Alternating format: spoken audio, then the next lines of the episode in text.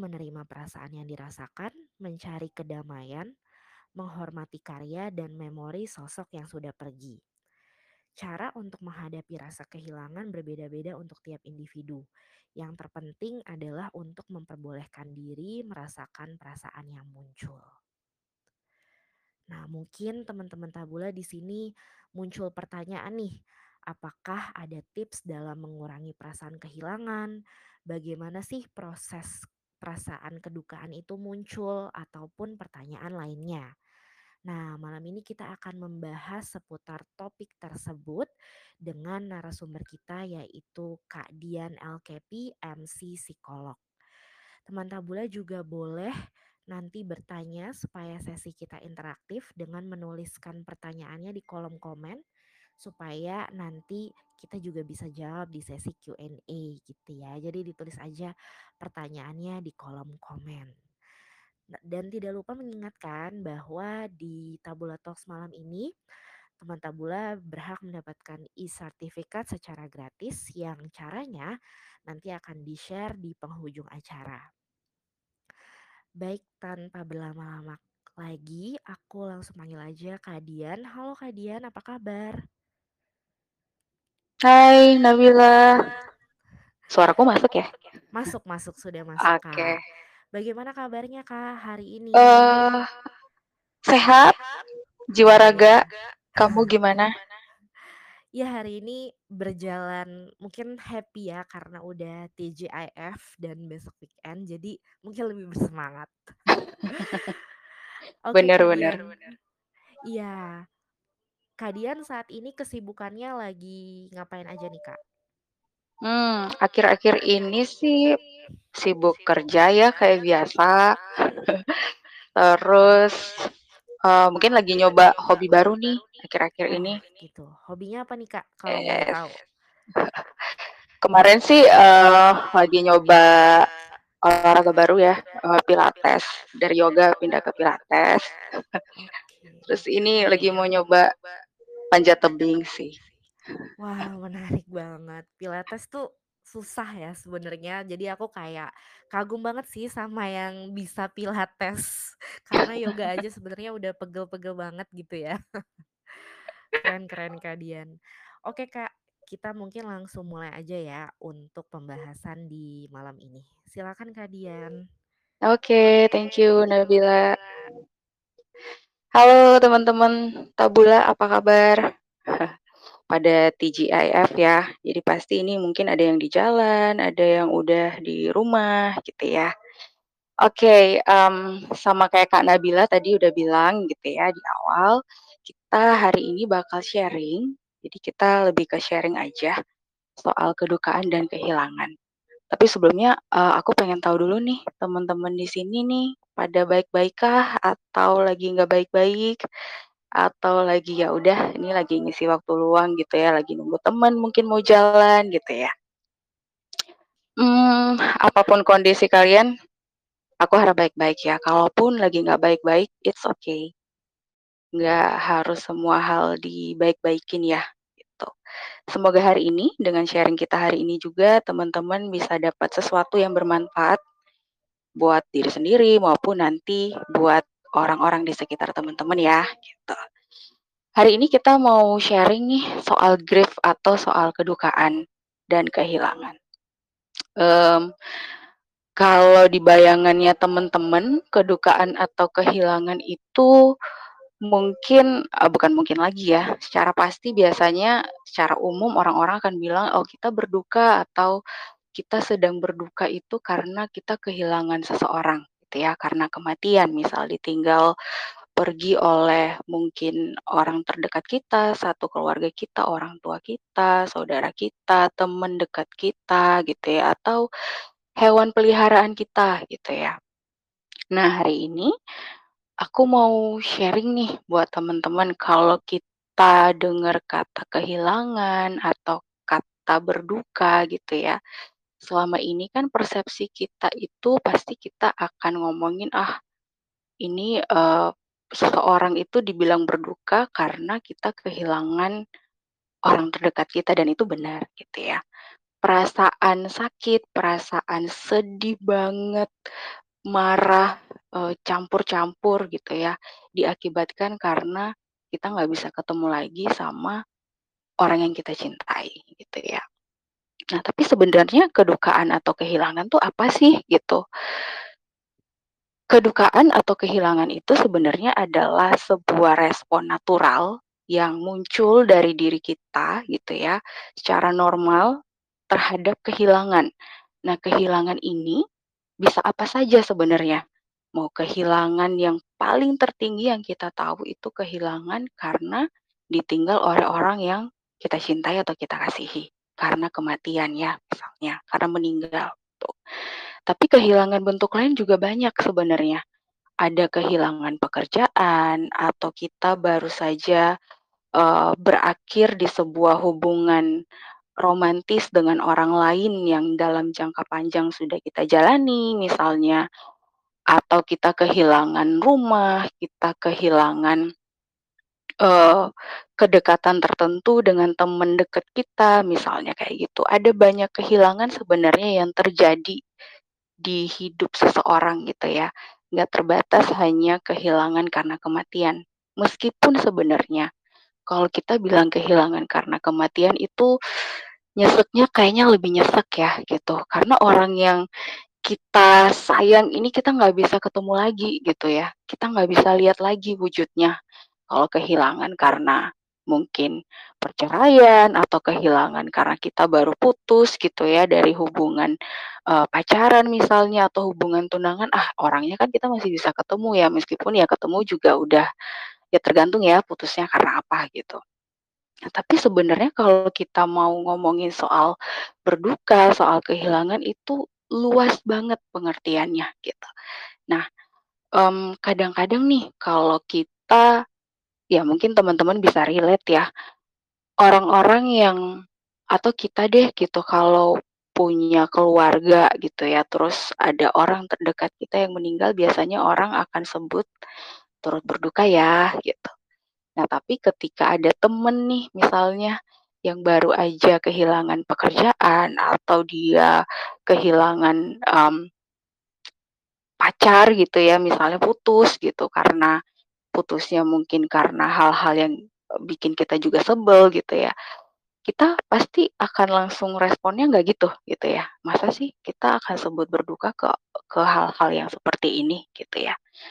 Padahal sebenarnya kalau kita ngomong kehilangan itu spektrumnya spektrum tuh apa ya bahasanya, eee, range-nya tuh luas banget gitu.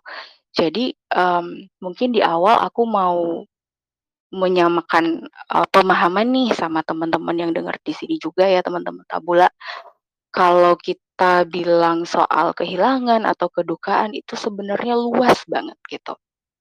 Nah, sekarang, eee, kedukaan itu atau ya kita berduka itu penyebabnya apa aja ya gitu. Nah tadi, eee, aku udah sempat sebut sih beberapa ya. Jadi contohnya satu karena kita kehilangan orang yang kita kasihi karena kematian gitu ya, bisa karena sakit, bisa tiba-tiba meninggal juga gitu. Terus, mmm, macam-macam gitu ya, karena kehilangan karena kematian gitu ya. Kemudian ada kehilangan lain nih, eee, kehilangan relasi dengan orang lain gitu ya. Dari tadinya temen deket jadi nggak deket banget misalnya, atau dari hubungan romantis yang kita udah lama pacaran gitu ya, terus putus. Nah, itu juga sebenarnya bisa disebut sebagai kehilangan ya, gitu. Perasaan sedih yang muncul itu juga boleh disebut sebagai perasaan berduka. Apalagi ya, misalnya kehilangan pekerjaan karena pandemik gitu ya, di-PHK gede-gedean gitu, terus nggak dapet, eee, tunjangannya lagi gitu ya. Apakah boleh bersedih karena itu? Gitu. Kan pertanyaannya gitu ya, kayaknya kalau orang yang meninggal tuh boleh kok sedih, meskipun ada beberapa orang yang menahan sedihnya itu ya, entah karena, eee, kalau cowok-cowok nih biasa, "Ah, nggak boleh sedih, kalau cowok nggak boleh cengeng," misalnya kayak gitu ya. Atau kalau, eee cewek-cewek yang mungkin jadi ibu rumah tangga di sini yang mungkin ada gitu atau temen-temen yang harus survive untuk strong demi keluarganya dan nggak boleh nangis kayaknya nggak boleh nangis gitu ya. Nah, di sini aku mau share sama temen-temen kalau kita mau menyikapi atau menghadapi, meng-handle semua hal-hal yang terjadi di hidup kita secara sehat gitu ya. Bukan cuman kedukaan aja, kedukaan karena ada orang yang meninggal, ada rekan, eee, keluarga kita yang meninggal gitu, orang tua, saudara kita yang meninggal aja gitu. Sebenarnya semua emosi itu harus kita proses secara sehat. Nah, sekarang gimana nih, Kak? Eee, kayaknya berat banget gitu, kayaknya kalau bisa aku ikut mati aja deh misalnya ya kadang-kadang kan orang kalau saking beratnya gitu ya pikirannya sampai kayak gitu misalnya.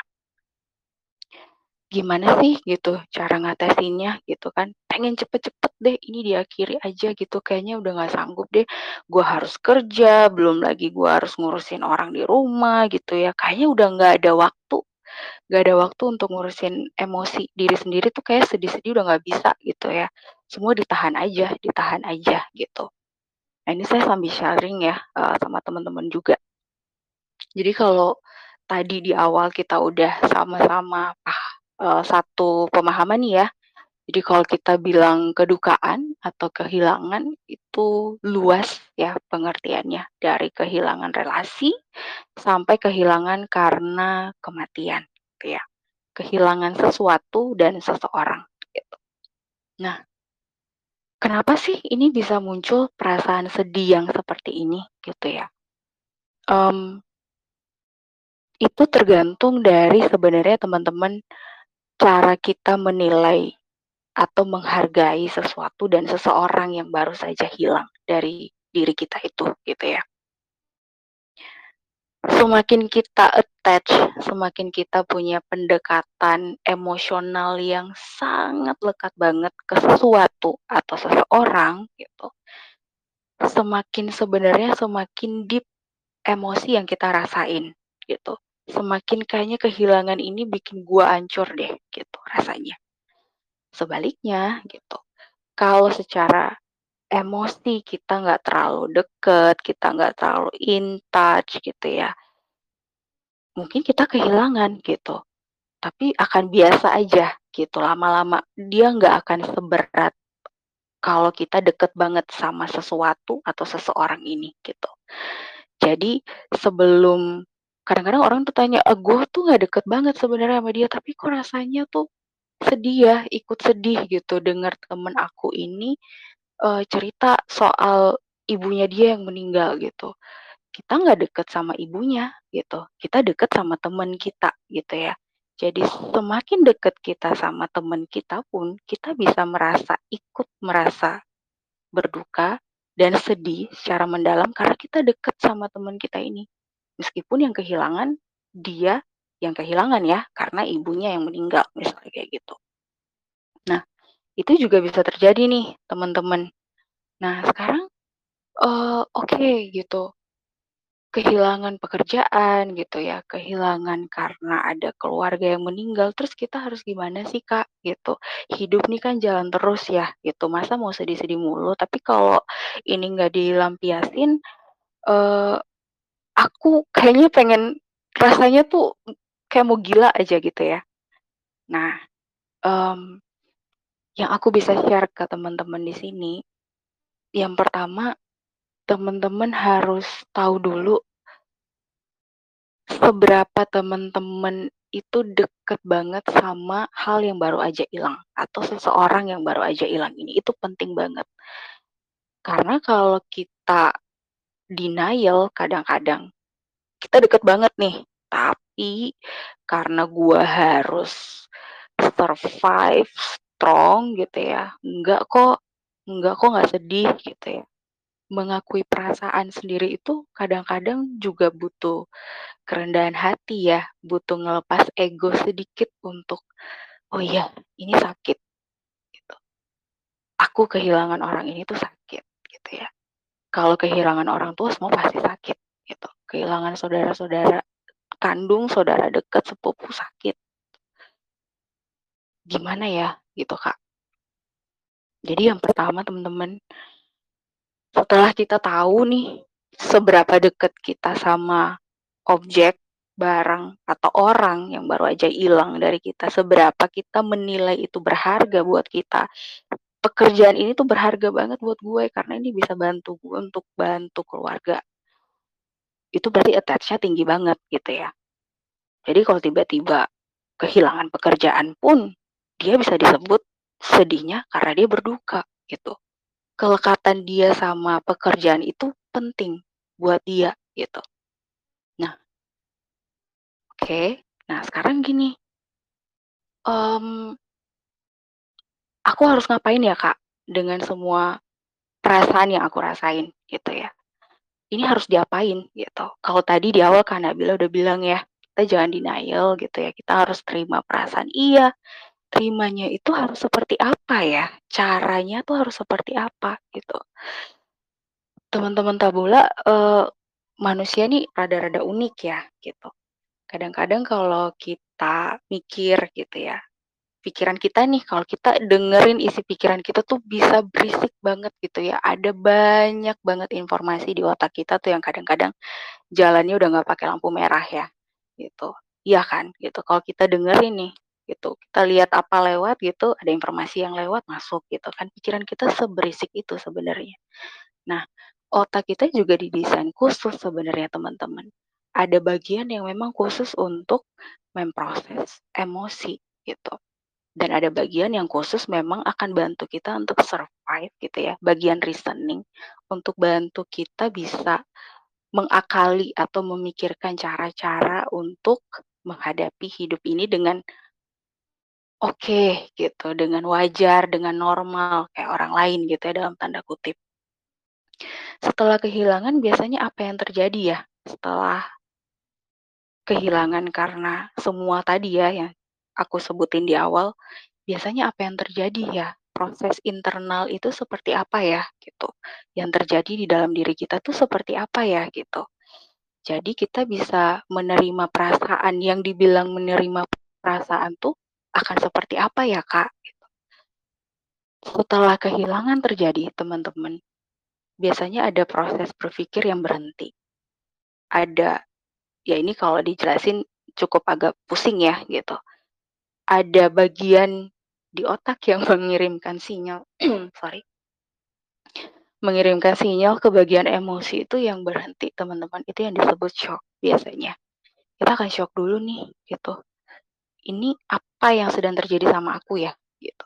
Karena semua emosi itu jadi campur aduk biasanya gitu, ketika kita kehilangan sesuatu yang berarti buat kita. Kita akan masuk di fase paling awal yaitu kita akan syok dulu. Iya kita masih bisa gerak, kita masih bisa diajak ngobrol sama orang gitu ya, kita masih bisa mungkin kalau kita kehilangan karena kematian orang yang kita kasihi misalnya di rumah sakit gitu, kita masih bisa akan bantu ngecek ini, ngecek itu iya gitu, tapi secara emosi ada bagian yang berhenti biasanya. Gitu ya, itu fase paling awal. Ada orang yang bahkan mungkin sampai, mmm, kesulitan ya untuk diajak ngobrol ada, tapi ada orang yang masih bisa ngobrol, masih bisa ke sana kemari ngurusin ini tuh masih bisa gitu. Tapi secara emosi ada bagian yang biasanya terhenti, karena kita baru aja kehilangan kelekatan dengan orang tersebut gitu, atau dengan objek tersebut gitu. Itu biasanya fase paling awal teman-teman, kita akan syok dulu gitu ya secara emosi. Nah, terus apa yang terjadi lagi ya, Kak, setelah itu? Setelah kata syok, biasanya ini akhirnya setelah syok biasanya semua jadi bervariasi tiap orang ya, gitu. Perjalanan tiap orang untuk memproses emosi, memproses rasa sakit, memproses kedukaan itu unik ya teman-teman. Jadi biasanya setelah syok itu terjadi akan ada orang yang bisa langsung beraktivitas seperti biasa gitu ya. Tapi sebenarnya emosinya perlahan-lahan di-repress, repress itu bahasa awamnya akan ditekan secara tidak sadar. Jadi dia akan tetap mencoba untuk survive, menjalani hari dia yang biasanya gitu ya. Tapi dia akan menunda untuk memproses emosi-emosi tadi. Karena saking syoknya biasanya ketika syok itu berhenti fasenya, akan gedebak-gedebuk tuh. Semua kayak keran air dibuka tuh biasanya, semua emosi jadinya tumpah ruah, campur aduk gitu. Dan biasanya kita bisa lihat kalau di orang-orang gitu ya, pada umumnya orang akan mengekspresikan itu sebagai bentuk sedih, yaitu dia akan nangis. Tapi kalau ditanya sedihnya apa, dia juga nggak bisa jelasin karena sedihnya itu campur aduknya luar biasa ya. Campur antara nyesel, bisa campur juga dengan marah, sedihnya bisa dicampur juga dengan sebenarnya mungkin ada sedikit lega. Lega karena mungkin orang yang kita sayang ini mungkin sakitnya udah lama dan akhirnya dia bisa berhenti menderita karena sakitnya. Tapi kita akhirnya merasa bersalah juga gitu karena kita lega gitu. Jadi sedihnya tuh campur aduk gitu. Makanya kenapa kalau orang nangis nih, ini nangis tuh ekspresi yang beda-beda juga ya tiap orang. Kalau ditanya pun biasanya kita nggak akan bisa jelasin gitu, sedihnya kenapa, ya kan? Ya karena semuanya campur aduk biasanya di awal. Ketika shock itu dibuka gitu, semua emosinya jadi tumpah gitu. Semuanya. Nah, di fase ini izinkan diri teman-teman untuk merasakan itu. Semakin teman-teman mungkin menunda untuk mengeluarkan itu, aku nggak bilang kita nggak kita nggak boleh nangis sama sekali atau aku nggak bilang oh harus nangis terus gitu ya enggak. Kalau punya tempat yang aman untuk bisa mengeluarkan semua itu, it's good gitu. Kalau ada teman-teman yang harus survive dulu, harus ngurusin ini itu karena dia tulang punggung dan dia misalnya harus kerja gitu ya, kalau yang kehilangan keluarga dan dia harus ngurusin juga orang tuanya, dia nggak punya waktu memproses itu semua. Kalau ada tempat yang aman, kalau ada waktu yang pas, keluarin itu gitu. Itu cara paling sehat yang pertama kali harus teman-teman lakukan buat diri sendiri. Kalau kita ngomong kedukaan, kita ngomong kehilangan, nggak usah kita deh gitu, orang lain. Apa sih yang kira-kira mau kita lakuin kalau ada teman kita yang berduka? Kalau ada teman kita yang kehilangan, apa sih yang mau kita lakuin? Lakukan itu juga buat diri teman-teman sendiri kalau teman-teman lagi berduka ya. Jadi setelah semua emosi itu keluar, wajar, wajar banget kalau teman-teman mau nangis, mau marah, mau melampiaskan itu melalui bentuk ekspresi emosi apa pun, it's okay gitu nggak harus sedih ya. Ada ada hal-hal yang terjadi karena kehilangan yang respon pertamanya pun mungkin bukan sedih, bukan nangis gitu ya. Kayak tadi aku bilang, kehilangan karena mungkin kelar nih hubungan jangka panjang dengan seseorang gitu ya. Hubungan romantis dengan seseorang atau hubungan pekerjaan yang kita udah nyaman banget di situ, kelar gitu ya. Boleh marah, boleh gitu ya. Sedih banget mau nangis, it's okay gitu. Izinkan teman-teman untuk memproses emosi itu. Kalau ada yang bilang ini, bilang itu, hmm, yang paling penting adalah yang ngejalanin ya, itu menurut aku. Yang paling penting adalah yang ngejalanin. Yang penting kita nggak teriak-teriak tengah jalan ya, tapi kalaupun itu ekspresi emosi yang sudah nggak bisa ditahan, nggak apa-apa, selama nggak membahayakan orang lain sama diri sendiri gitu. Nah, perjalanan grieving itu atau perjalanan berduka ini setelah shock, kemudian semua emosi tumpah gitu ya. Izinkan teman-teman untuk rasain itu dan ngeluarin itu. Gitu. Setelah ini aku akan sharing ya, uh, karena aku juga pernah melalui tahap yang sama sebenarnya dan malah aku ngelewatinya dengan cara yang gak sehat.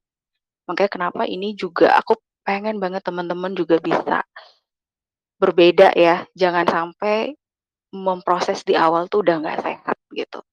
Karena dampaknya luar biasa. Ibarat kalau kita investasi, ruginya di belakang tuh hancur banget gitu ya, bahasa kasarnya gitu. Kita balik lagi nih, setelah shock, setelah emosi semua keluar, biasanya kita akan butuh waktu juga untuk untuk tenang ya, gitu secara emosi gitu. Ada yang masih bisa beraktivitas setelah itu, iya, masih bisa kerja seperti biasa gitu ya, masih bisa ngobrol, masih bisa bercanda gitu sama orang. Ada yang mungkin sebaliknya gitu, malah menarik diri, malah ya ngobrol seadanya gitu ya. Ada yang mungkin sampai kehilangan nafsu makan gitu, eee, insomnia gitu ya, nggak bisa tidur atau tidur tapi nggak berkualitas, bangun tidur pasti badannya pegel-pegel, capek-capek gitu ya. Nah, kalau udah ada tanda-tanda seperti ini teman-teman yang sebaliknya tadi yang aku bilang, itu tanda-tanda bahwa emang ada emosi-emosi yang kita belum bisa untuk proses gitu. Ada emosi-emosi yang mungkin masih kita tahan. Itu tadi ya, aku nggak bilang bahwa semua hal harus dikeluarin juga, karena aku ngerti. Kadang-kadang setelah kedukaan terjadi satu minggu atau dua minggu atau sebulan gitu, atau sehari setelah kedukaan itu terjadi, kita tetap harus hidup harus jalan ya gitu. Yang ke kampus mungkin kalau kuliah masih harus tetap kerja, eh tetap kuliah gitu ya. Yang kerja harus tetap kerja gitu ya. Paling ya break satu 2 hari gitu ya paling lama, seminggu paling lama kalau diizinin gitu ya. Tapi hidup di luar kita ini kan jalan terus ya. Teman-teman pasti masih harus kerja, masih harus belajar gitu ya, masih harus ngerjain tugas gitu ya.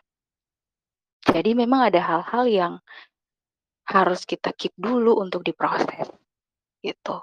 Nah, saran aku atau tips buat teman-teman, ketika ini terjadi dan teman-teman yang berduka gitu ya, kita yang berduka, apa pun kondisinya, karena baru putus, karena baru ada yang meninggal, karena baru kehilangan pekerjaan, karena hewan peliharaan kita mati gitu ya. Kasih rasa sayang yang gede ke diri sendiri gitu. Kadang-kadang kita terlalu sungkan untuk mau ngeluarin itu ke orang lain. Kadang-kadang terlalu sungkan untuk bilang, "Gue sedih banget," gitu.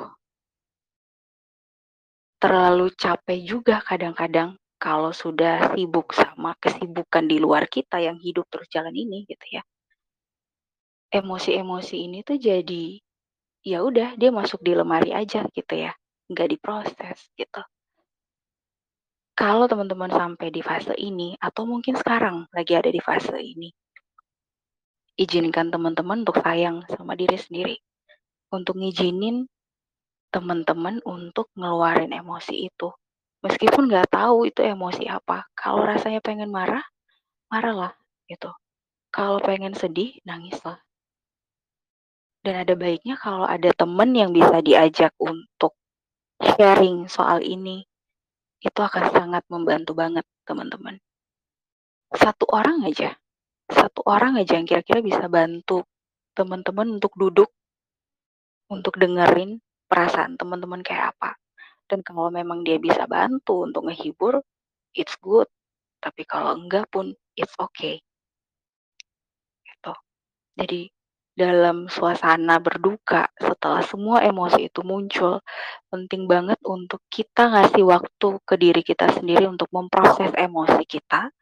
Sekalian, kalau ada temen yang menurut kita cukup dewasa, cukup matang, atau cukup sabar untuk mau nemenin kita ngelewatin hari-hari kita yang berat ini, sharinglah sama mereka, gitu.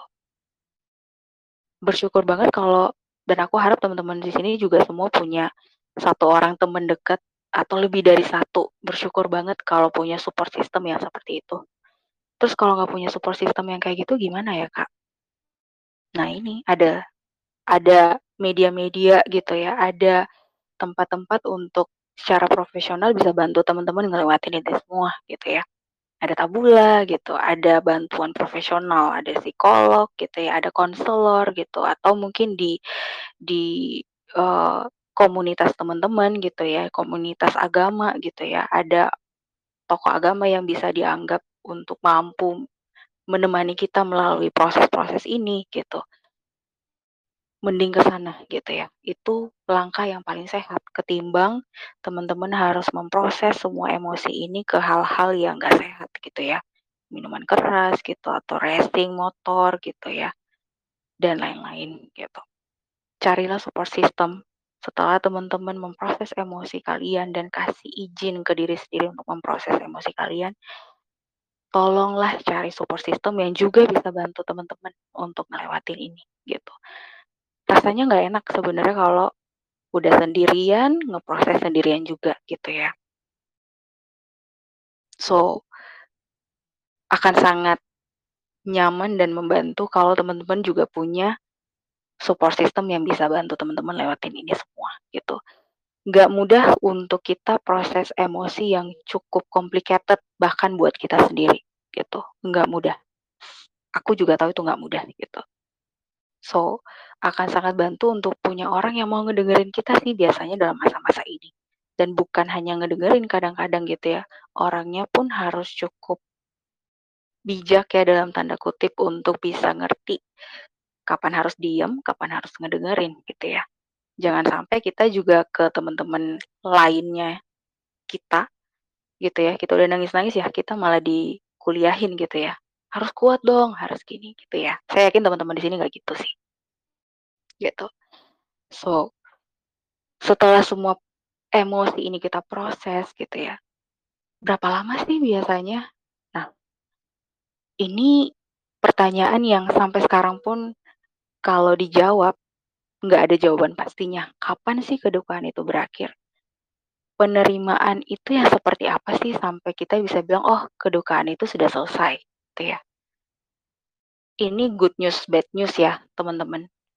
Kedukaan atau berduka itu memang akan selesai, sesuai semua orang selalu bilang ya, waktu menyembuhkan. Ketika kita menerima, maka kita bisa moving on, gitu.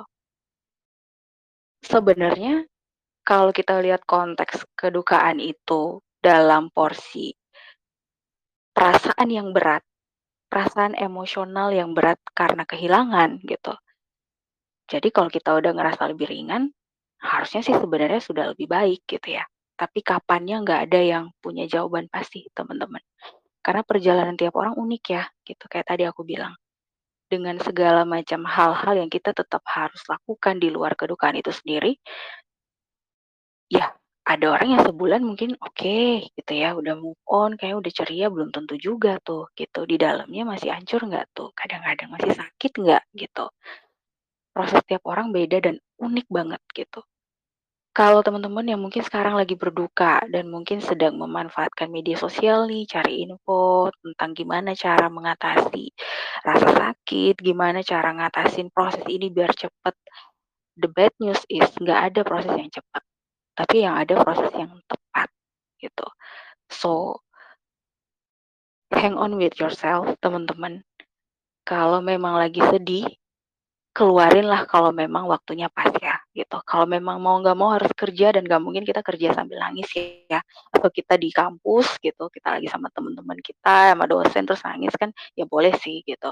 Tapi kalau lagi di kelas kan, uh, ya kita juga kadang mikir ya, ini gimana gitu ya, meskipun rasanya nggak enak. Nggak apa-apa kalau ditahan sebentar, tapi kalau udah pulang misalnya ketemu sama keluarga atau mungkin di kamar sendirian tolong dikeluarin itu juga gitu ya, rasa sedihnya, rasa marahnya, caranya macam-macam. Kalau mau sedih ya silakan nangis. Kalau marah dan gak bisa dilampiasin bisa dilampiasin ke buat journaling gitu ya, atau ada macam cara untuk bisa mengatasi rasa marah tanpa harus marah. Nah, ini nih gitu ya. Salah satu contoh misalnya, teman-teman bisa tuh sobek-sobek kertas, kertas apa aja, sobek aja itu sampai marahnya keluar. Sedih sambil marah, nah tuh bisa nangis sambil sobek-sobek kertas pun nggak apa-apa gitu. Atau kalau saya sih biasanya kalau di kamar mandi gitu ya, kalau udah udah kesel biasanya ngambil sikat and then sikat kamar mandi gitu. Jadi cara yang paling sehat, oke okay, kamar mandinya bersih dan marahnya juga kelar gitu ya. Kalau kita nggak bisa ngelampiasin marah itu ya gitu. Karena kadang-kadang kehilangan karena kematian, kita marah ke Tuhan tuh Tuhan juga ya kita marah di doa kita misalnya atau apa gitu ya. Rasanya nggak kelar-kelar kan gitu. Dan lampiaskanlah ke hal-hal yang juga positif juga gitu buat teman-teman. Nah, so eee, beberapa poin tadi kan udah ya, kita coba proses diri kita, kita izinkan diri kita untuk berduka. Kita cari support system, cari temen yang bisa bantu kita lewatin hal-hal ini, dan, eee, kalaupun memang kita harus, eee, tetap fit gitu ya, untuk kerja, untuk apa, kalau ada waktu sendiri dan memang itu harus diluapkan, luapkanlah gitu. Itu penting teman-teman, karena terlalu sering mengontrol emosi dan itu nggak diproses dan itu nggak dikeluarin pun, kadang-kadang nanti dia akan muncul dalam bentuk yang lain gitu ya, sakit pinggang gitu, tiba-tiba asma, tiba-tiba asam lambungnya naik gitu ya, insom, nggak bisa tidur dan itu mengganggu aktivitas. Nah, biasanya akan lari ke sana. So, ini hanya beberapa, eee, apa ya, yang kelihatannya gitu ya. Yang kelihatannya dari fisik kita, kalau udah mulai sakit ini, sakit itu, ya berarti ada hal-hal yang mungkin setelah kedukaan ini, kita belum proses secara benar gitu emosinya, gitu. Jadi, keluarin semua yang teman-teman rasain, gitu ya. Belajar untuk sayang sama diri sendiri sih, kalau ada teman kita berduka kan kita, "Iya nggak apa-apa nangis aja ya." Lakukan itu ke diri sendiri juga, gitu. Kadang-kadang kita jadi terlalu baik sama orang, tapi kenceng atau jahat sama diri sendiri gitu ya, nggak ngizinin kita berduka karena kita harus strong. Orang lain, "Ya nggak apa-apa kamu nangis sama aku aja," gitu ya. Jangan ya teman-teman, ada hal-hal yang memang perlu digituin, tapi untuk konteks berduka gitu ya, kehilangan, izinkan diri teman-teman juga memproses kehilangan itu, gitu. Berapa lamanya teman-teman yang akan tahu kok, dan orang sekitar akan ngerasain juga ketika teman-teman mungkin sudah lebih ceria ketawanya, sudah lebih bisa, eee, going on dengan hal-hal yang terjadi di kehidupan sehari-hari, mungkin nafsu makannya sudah membaik gitu ya. Nah, itu akan lebih terlihat dari sana biasanya. Tapi kalau belum, nggak apa-apa. Kasih kesempatan ke diri sendiri untuk memproses itu semua, teman-teman. Kita deket sama orang, orang tua kita, saudara kita, pacar kita gitu ya, suami atau istri kita gitu ya. Kita juga perlu waktu kan untuk membangun kedekatan emosi sama mereka. Jadi kalau tiba-tiba mereka hilang dari kita, tiba-tiba mereka pergi untuk selamanya dari kita, kita juga harus balikin bahwa kita juga perlu waktu untuk mulai sedikit-sedikit bisa menjalani hidup tanpa harus terlalu terlalu terikat secara emosi gitu. Itu yang mungkin orang selalu bilang waktu menyembuhkan. Karena sebenarnya kita sendiri yang sedang belajar untuk membantu diri kita melepaskan kedekatan emosi sedikit demi sedikit. Kak, lalu kalau kedekatan emosinya itu lepas, aku nggak mau karena berarti aku lupain dong, lupain almarhumah, lupain almarhum gitu ya. Aku nggak mau kayak gitu, gitu. Enggak ya teman-teman. Ketika kita mulai sedikit demi sedikit bisa moving on gitu dengan hidup kita, bukan berarti kita ngelupain orang-orang yang hilang dari kita gitu ya. Orang-orang yang udah pergi duluan dari kita gitu. Bukan berarti seperti itu gitu ya. Kita bisa kok moving on, emosi kita, beban emosi kita menjadi lebih ringan, iya. Tapi selamanya memori mereka pasti akan tetap melekat sama kita gitu ya. Yang paling ironis adalah teman-teman, kalau kita berduka atau kita kehilangan seseorang yang pada akhirnya itu bikin kita benci. Misalnya kayak tadi saya bilang ya, perceraian karena mungkin selingkuh gitu ya. Itu sebuah hal yang menyakitkan juga sebenarnya. Gitu. Kita di-PHK gitu ya. Itu juga bikin kesel gitu ya. Bikin kita jadi benci sama keadaan, benci sama mungkin perusahaannya juga, benci sama orang yang ngambil keputusan gitu ya. Boleh nggak kita berduka gitu? Karena kadang-kadang di masyarakat kita nih ya, di lingkungan sekitar kita pun, "Ah, udahlah dia kan ninggalin lu juga gara-gara begini, ngapain sih lu sedih-sedih?" Gitu kan. Jadi kita jadi bingung, eee eee, boleh sedih nggak sih sebenarnya gitu kan. Ya udah deh nggak usah, nggak jadi sedih gitu ya, gitu. Untuk hal-hal seperti itu teman-teman, boleh banget untuk sedih dan teman-teman diizinkan untuk berduka kok. Karena yang kita eee, emosi yang kena di kita, emosi sedih, emosi marah gitu ya, sedih campur marah gitu. Sebenarnya kedukaan itu salah satunya bukan hanya karena kehilangan objek itu, kehilangan seseorang itu, tapi juga kehilangan momen-momen di mana kita ada di dalamnya gitu. So izinkan diri teman-teman kalau ada dalam kondisi seperti itu, ya putus gitu ya, kemudian itu tadi ya, mungkin cerai gitu, kemudian juga kehilangan pekerjaan karena alasan yang mungkin gak masuk akal gitu ya. Izinkan diri teman-teman untuk berduka dan lihat ini dalam konteks manusianya gitu, maksudnya, ya ini sedih, ini menyakitkan, ini kejadian yang gue nggak suka kalau ini terjadi sama gue dan gue berhak untuk sedih soal ini, gue berhak untuk marah soal ini, gitu. Meskipun itu alasannya nggak masuk akal gitu ya, ngapain lu nang masih nangis gitu, ngapain lu masih nangisin soal putus misalnya kayak gitu. Enggak ya teman-teman, gitu. Yang kita tangisin sebenarnya adalah diri kita dan momen yang udah kita habiskan di waktu-waktu kemarin gitu lah. Penyesalan karena kita mungkin buang-buang waktu misalnya ya, penyesalan karena mungkin kita investasi waktu, energi gitu ya, perasaan untuk hal-hal yang ya pada akhirnya orangnya juga nyakitin kita kok. Boleh banget teman-teman untuk sedih dan teman-teman diizinkan untuk berduka soal ini, gitu. Karena dengan cara itu teman-teman jadi punya bentuk baru untuk sayang sama diri sendiri sebenarnya. Semakin teman-teman izinkan teman-teman untuk rasain emosi, sedihnya, sakitnya, dan menerima bahwa ya gue berhak untuk nangis, gue berhak untuk marah, karena gue salah pilih nih misalnya, karena momen-momen yang kemarin itu, itu udah buang-buang waktu gitu. Jadi yang gue tangisin sebenarnya bukan mereka yang nyakitin gue gitu ya, tapi yang gue tangisin adalah diri gue sendiri. Nggak apa-apa. Itu bentuk baru cara sayang sama diri sendiri teman-teman. So ini jadi lebih luas ya kalau kita ngomongin kedukaan dan kehilangan. Nah, satu lagi mungkin sebelum nanti dikat sama Kak Nabila ya, kalau ada yang nanya. Satu lagi terakhir teman-teman. Um, kalau tadi konteksnya kita yang berduka, gitu ya. Sekarang gimana caranya kalau yang berduka itu atau yang kehilangan itu adalah orang-orang di sekitar kita, gitu. Apa sih yang harus dilakukan, gitu ya? Kita harus gimana?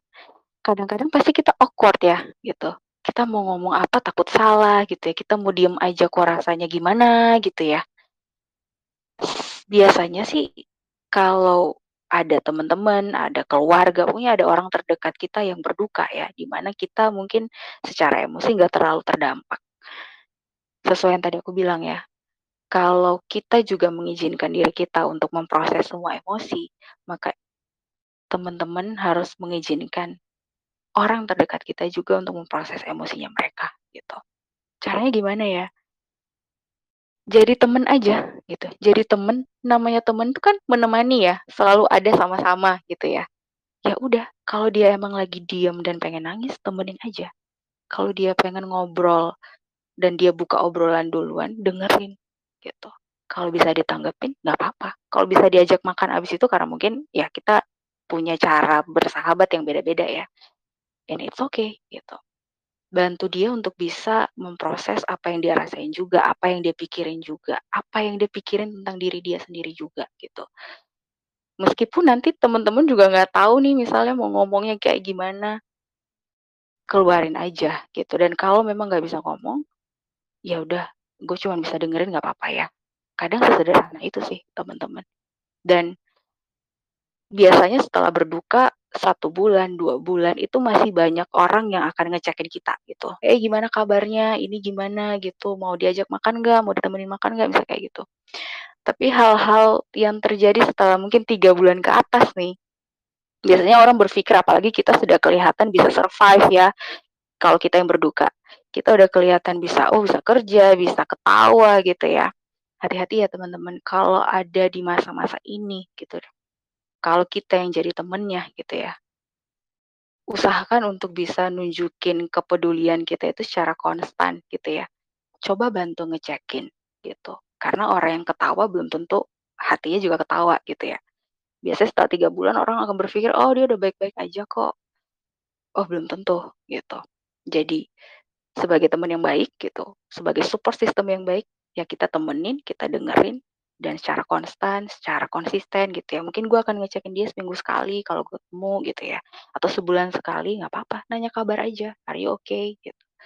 apa kabar gitu, kalau udah lama nggak kontak ya, gitu.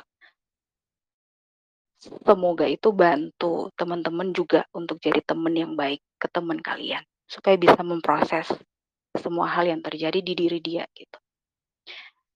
Itu sih Kak Nabila. Wow, terima kasih Kak Dian untuk sharingnya malam ini. Tadi yang menjadi highlight bagi dari Kak Dian adalah ketika kita merasa kehilangan dan berduka, penting bagi kita untuk bisa memproses perasaan itu terlebih dahulu. Lalu tentunya jangan malu juga nih untuk mencari support dari lingkungan sekitar. Jadi support system itu juga sangat penting untuk kita bisa heal gitu, merasa healing dari perasaan berduka gitu ya. Dan Ya. yang pasti nggak semuanya cepat, Mmm. tapi pasti ada yang tepat begitu ya Kak ya. Kak Nabila. Oke, ini sangat banyak sekali pertanyaan yang masuk ke kolom komen. Jadi teman-teman Tabula nih sangat excited ya eee, dengan materi hari ini gitu. Tapi mungkin karena waktunya terbatas, aku akan, eee, membacakan mungkin 2 pertanyaan gitu karena ternyata dari pertanyaan-pertanyaan yang masuk juga sepertinya tadi udah sedikit banyak juga langsung terjawab nih sama materinya Kak Dian. Nah Oke. langsung ya betul, ya aku langsung akan, eee, membacakan pertanyaan pertama dari anonimus. Mhm. "Aku pernah ngerasa kehilangan seseorang yang dekat sama aku, tapi Tuhan ngambil dia. Jujur aku sedih banget. Setiap inget dia aku suka nangis sampai di mana aku bingung harus menyikapi hal ini. Dan aku pernah sampai menganggap dia itu masih ada buat bikin diri aku tenang. Yang aku lakukan itu salah nggak sih? Menganggap dia masih ada padahal udah nggak ada. Menurut Kakak aku harus gimana?" Gitu, Kak. Oke. Hai anonimus. Iya. I hope you're okay. Oke, eee, Kak, sebenarnya kalau pertanyaannya salah atau enggak halo? Iya betul Kak, salah atau tidak nih dia menganggap Suaranya keputus nih. ya halo? Oke oke. Mhm. Udah masuk. Pertanya heeh, pertanyaannya lebih jadi dia salah nggak nih, mhm. menganggap orang yang udah nggak ada tuh masih ada gitu? Oke. Kalau untuk emosinya dulu nih, kita semua tahu ya, your emotion is valid, gitu ya. Jadi mau sedih, mau tetap nangis, terus masih ingat orangnya. Ini dia nggak bilang ya durasinya udah berapa lama ya Kak Nabila ya? Belum, tidak tidak dijelaskan di sini durasinya. Oke. Kadang-kadang kita juga masih dalam tanda kutip kalau istilahnya psikologi manifesting ya. Jadi kita masih menganggap orang itu ada gitu ya. Dan, mmm, it's okay gitu. Aku nggak mau bilang ini salah atau enggak, karena biasanya ada ukurannya ya gitu. Kalau ini bertahun-tahun dan kamu masih menganggap dia ada, nah mungkin ini perlu banyak sharing mendalam juga dengan bantuan profesional ya. Tapi kalau ini memang masih baru 6 bulan, 8 bulan, dan ini bantu kamu untuk bisa beraktivitas dengan normal gitu ya, maupun melampiaskan emosi secara sehat, it's okay. Nggak apa-apa.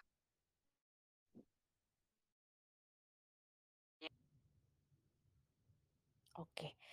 Jadi, eee, tergantung tenggat waktunya ya, Kak, ya. Jika ternyata sudah lama sekali gitu kan, bertahun-tahun, mungkin anonimus yang tadi bisa mencoba mencari bantuan profesional. Mhm. I see. Oke kalau gitu. Semoga terjawab ya. Aku langsung lanjut ke pertanyaan selanjutnya. Ini ada Fahriza dari Riau. Normalnya berapa lama waktu kita sedih atau nangis setelah kehilangan kedekatan dengan orang lain? Apakah kalau selama dua minggu lebih benar-benar setiap hari nangis, tidak bersemangat, kehilangan minat terhadap hobi, mulai malas merawat diri, merasa bersalah setiap hari, merasa tidak pantas dan tidak percaya diri setiap hari. Semua itu dirasakan bersamaan setiap hari selama lebih dari dua minggu. Apakah itu normal? Oke. Siapa namanya tadi, Kak, Nabila? Fahriza Fahriza. Jogja. Iya. Oke, hai Farisa. Thank you udah join dari jauh. Mmm 2 minggu ya? Iya. Is it normal? It is. Mmm, seperti yang tadi aku bilang ya sedip apa kamu terikat sama seseorang secara emosional, itu mempengaruhi cara kamu untuk mengekspresikan juga kedukaan itu, gitu. 2 minggu biasanya masih normal sampai 1 bulan gitu ya. Tapi kalau di minggu ke-4 sampai seterusnya masih terjadi hal yang sama, boleh banget loh gitu cari support system, boleh banget untuk cari bantuan profesional, supaya bantu kamu bisa hadapin ini lebih sehat ke depannya. Aku dulu marah eee, malah nggak sehatnya tuh ini ini 2 minggu ya, eee, aku sendiri tuh pernah 2 bulanan full seperti itu, gitu. Makanya aku bilang ini nggak sehat ya. Jadi kalau udah masuk minggu ke-3 misalnya dan kamu masih ngerasain hal yang sama, boleh banget cari bantuan profesional gitu ya. Mau yang, eee, tokoh agama boleh gitu ya, kamu mau ketemu sama psikolog boleh, mau konselor mau konseling di Tabula juga boleh gitu.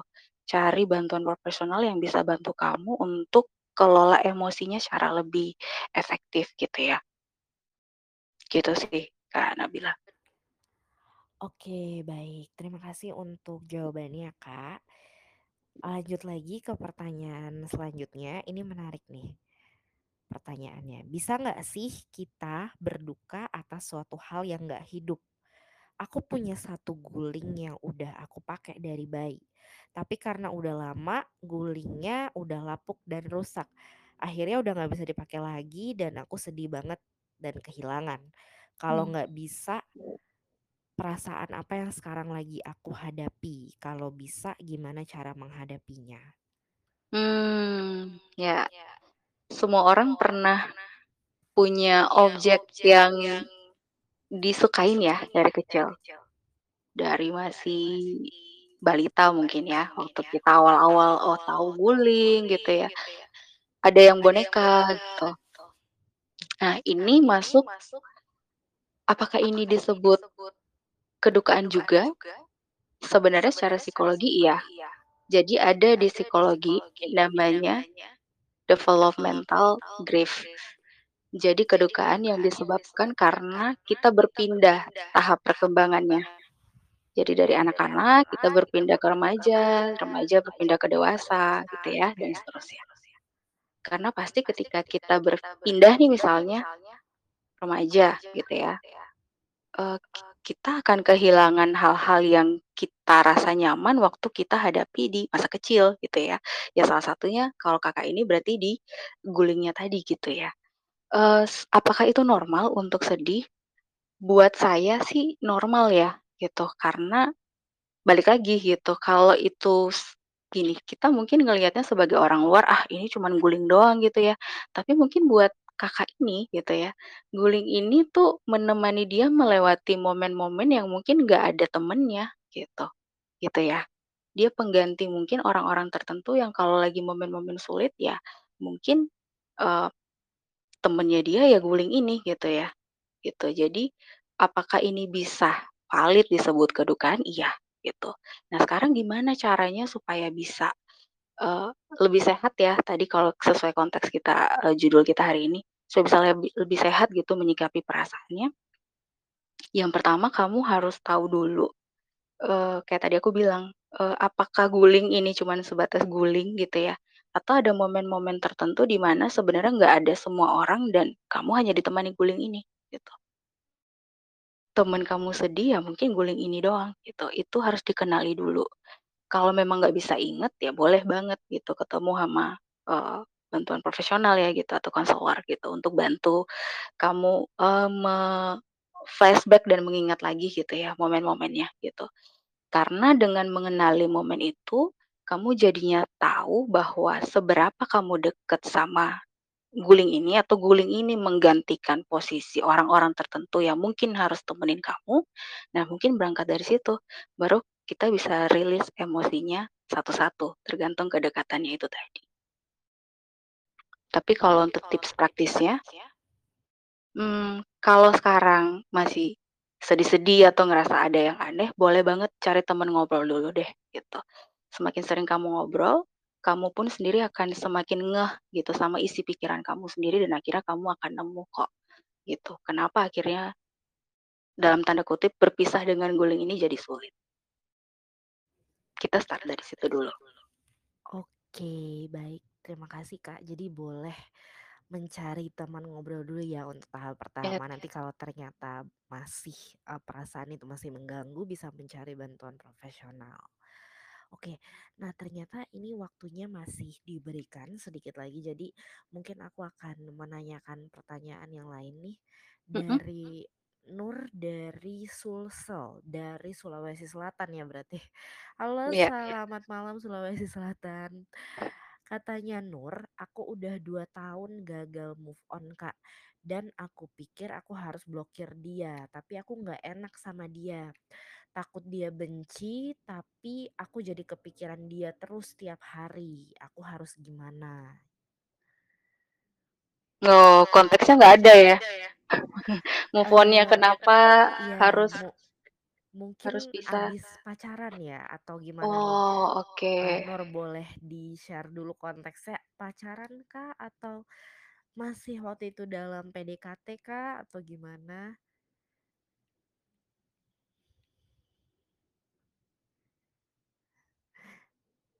Mungkin kita ambil konteksnya mungkin sepertinya pacaran gitu ya, Kak, ya, Oke ke oke. Ya putus anggap aja begitu ya. Mhm mhm. Oke oke. Nah, ini sedikit singgung soal move on ya. Eee coba bayangin kalau move on, move on ini kan berpindah ya, gitu kan. Kita melakukan kegiatan berpindah gitu kan, namanya move on kan begitu ya. Kayak kita pindah rumah lah gitu, kalau kita pindah rumah, eee, biasanya kita bersih-bersih rumahnya dulu kan, rumah lama kita bersih-bersih gitu, kemudian barang-barang yang mau kita bawa kita taruh di boks, kita tandain gitu ya, kemudian barang-barang yang mungkin mau kita buang kita taruh di boks yang lain juga gitu ya. Terus kita tandain mungkin kita sumbangin atau mungkin nanti kita buang gitu ya. Nah, kemudian kalau kita move on ke rumah baru, berarti yang dibawa adalah barang-barang yang mau masih mau kita pakai ya, tentu saja gitu. Barang-barang yang kita pakai mungkin akan kita donasikan gitu ya, atau kita buang gitu ya, atau kita sumbang. Sama nih kalau kita ngomongin move on dalam, eee, relasi pacaran gitu ya. Eee, ini karena konteksnya kita nggak tahu ya putusnya kenapa gitu, tapi kalau dilihat dari masih inget-inget gitu ya, mungkin putusnya baik-baik nih kayaknya.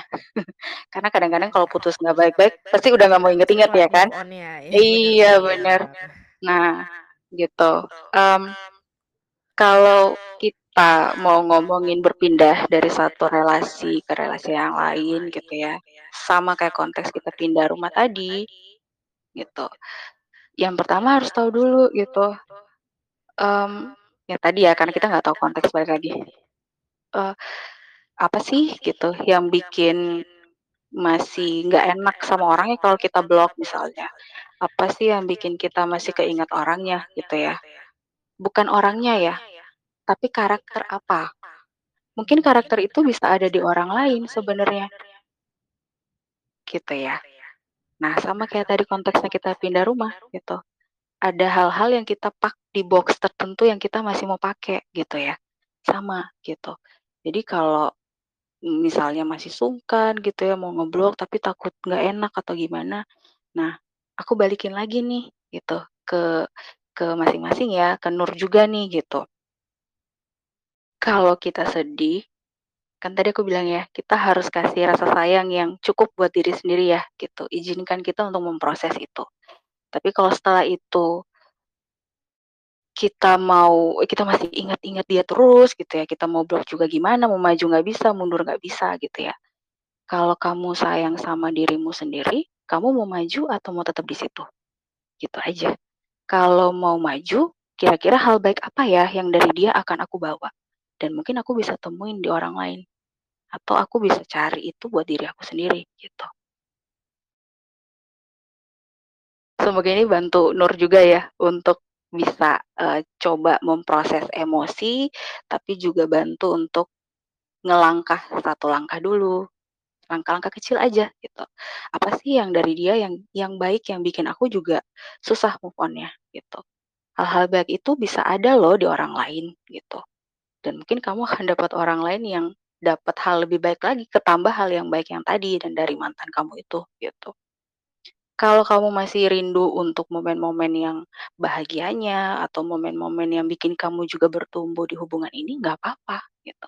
Rindu itu wajar gitu. Namanya memori yang muncul di pikiran, dia nggak bisa kehapus gitu aja, ya nggak apa-apa gitu. Tapi kalau bikin kamu akhirnya nggak move on, nah pertanyaannya aku balikin, sesayang apa kamu ke diri sendiri? Kamu mau maju atau mau tetap di situ? Gitu aja. Kalau maju kira-kira box apa yang akan kamu bawa? Gitu Kak Nabila. Semoga menjawab. Ya, semoga terjawab ya Nur. Jadi kita harus menyayangi diri kita terlebih dahulu sebelum kita uh, menyayangi orang lain. Jadi fokus on yourself dulu nih, sayangi diri kamu kayak gitu. Dan semoga didoakan kita, didoakanlah di sini bersama ya supaya bisa dapat yang lebih baik. Pokoknya semangat Amin. Nur.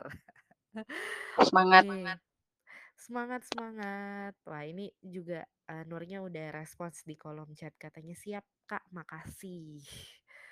Thank ya, you Nur udah sharing. Ya terima kasih Nur. Oke Kak Dian kita sepertinya sudah menjawab uh, semua pertanyaan nih dari para teman tabula. Oh ada satu lagi nih mungkin terakhir deh boleh baru masuk banget pertanyaannya. Mungkin pertanyaan penutup ya uh, dari Janie mau nanya gimana caranya untuk nggak lagi ingat-ingat kesalahan yang orang lain pernah lakukan ke kita. Karena aku baru kali ini ngerasa diperlakukan seperti itu sama orang yang aku percaya banget. Dia pernah bohongin aku tapi untuk menghilangkan rasa sakit karena dibohongin itu susah sekali. Oke. Ini pertanyaan yang semua orang pasti pengen tanya sebenarnya. Hmm. Ya. Oke, um, cepat aja berarti ya. Ya, boleh boleh kak. Oke. Bad newsnya akan sangat lama kita untuk bisa lupa. Bahkan mungkin nggak pernah lupa. Itu bad newsnya, gitu ya. Kenapa? Ya cara kerja otak kita seperti itu gitu. Apalagi kalau yang punya daya ingat tinggi ya gitu memori kita bisa ke-save dengan baik sekali gitu ya, di rak yang bagus banget di dalam otak kita dan sewaktu-waktu bisa keluar. Cara untuk bisa ngelupain atau sebenarnya dalam bahasa psikologi kita bisa bilang untuk bisa uh, jadi mandiri dengan memori itu. Artinya memori itu akan tetap ada, tapi dia nggak akan mengusik kita lagi.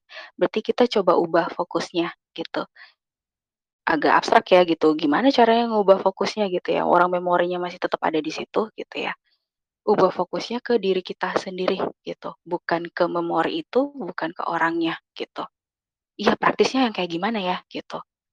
Saya balik lagi nih, ini tagline hari ini kayaknya ya, semakin kamu punya rasa sayang yang cukup ke diri sendiri, kamu akan tahu bahwa ketika kamu berfokus ke sesuatu yang gak membahagiakan kamu, kamu sebenarnya juga lagi jahatin diri kamu sendiri. Gitu. Gimana cara yang ngelupain gak bisa. Caranya hanyalah bisa berdamai dengan keadaan itu atau dengan memori itu, gak perlu dengan orangnya ya, gitu. Karena yang nyiksa kita kan sebenarnya memorinya ya, gitu cara untuk berdamai dengan memorinya atau dengan kenangan itu adalah dengan menerima bahwa iya itu udah terjadi. Dan aku disakitin karena itu. Iya emang harus digituin. Iya kita ngerti kita disakitin. Iya tapi harus ngomong gitu kadang-kadang ke diri sendiri. Iya itu udah terjadi. Mau diapain? Gitu. Sekarang mau diingat terus nggak? Gitu. Oh pasti akan ingat gitu pasti memori kita akan tetap muncul apalagi kalau ke-trigger ya gitu, lewat tempat tertentu, lihat warna tertentu, makanan tertentu, ke-trigger itu pasti. Tapi fokus kita coba kita ubah ke diri sendiri gitu. Ibarat tanaman gitu, ya kita fokus bertumbuh melewati itu gitu ya, melewati memori-memori yang nggak enak itu gitu. Paling simpel bantu bantu kita untuk di awal-awal biar nggak benci banget, biar nggak keinget-inget banget gitu. Coba sibukkan diri dulu dengan aktivitas-aktivitas sekarang yang ada gitu ya, secara sehat gitu. Ini praktisnya. bantu sibukkan diri, ketemu banyak orang, ngobrol, kamu mau sharing juga boleh gitu ya. Akan masih keingat nggak? Akan masih keingat gitu, tapi lama-lama kalau kamu merasa bahwa itu akhirnya mengganggu diri kamu sendiri dan, "Nggak ah," gitu, "aku udah nggak mau terlalu terfokus ke sana." Ingat oke sesekali, tapi aku akan coba nge-distract sama hal-hal yang lain gitu, kesibukan yang lain gitu, mungkin itu akan lebih membantu ya teman-teman. Gitu sih. Oke, thank you untuk jawabannya Kak Dian. Jadi back again, focus on yourself, cari hobi Mhm. sebanyak-banyaknya, Yes. perbaiki kualitas diri juga, biar juga bertemu dengan orang-orang yang berkualitas. Yes. Gitu ya, oke. Siap, itu mungkin jadi Mhm. pertanyaan penutup untuk sesi kita hari ini. Aku sebelumnya ingin mengucapkan terima kasih untuk Kak Dian mewakili dari Tabula untuk materinya hari ini. Sangat banyak teman-teman yang excited tadi untuk diskusi, bertanya gitu ya dan, eee, alhamdulillah tadi kita mendapatkan jawaban-jawaban yang juga, eee, praktikal gitu ya dari Kak Dian. Jadi thank you so much Kak Dian untuk materi dan jawaban yang tadi diberikan. Thank you Kak Nabila, Tabula, dan teman-teman Tabula yang udah join malam ini. Semoga ada hal baik yang bisa dibawa pulang dari sharing hari ini. Amin amin.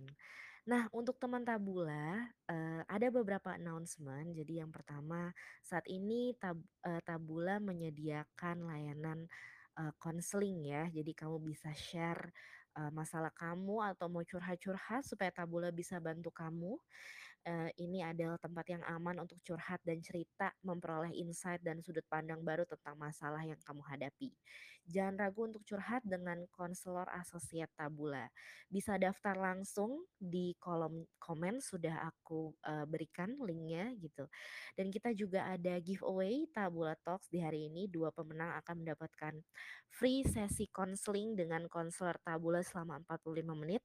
Caranya gampang, cukup follow account tabula.id di Instagram, post Instastory kamu, manfaat yang didapat selama mengikuti Tabula Talks hari ini, dan tag account Tabula ID dengan tag 3 teman kamu juga yang kamu rasa akan mendapat manfaat dari Tabula Talks. Nah, pemenangnya nanti akan diumumkan dan dihubungi oleh admin Tabula melalui DM Instagram.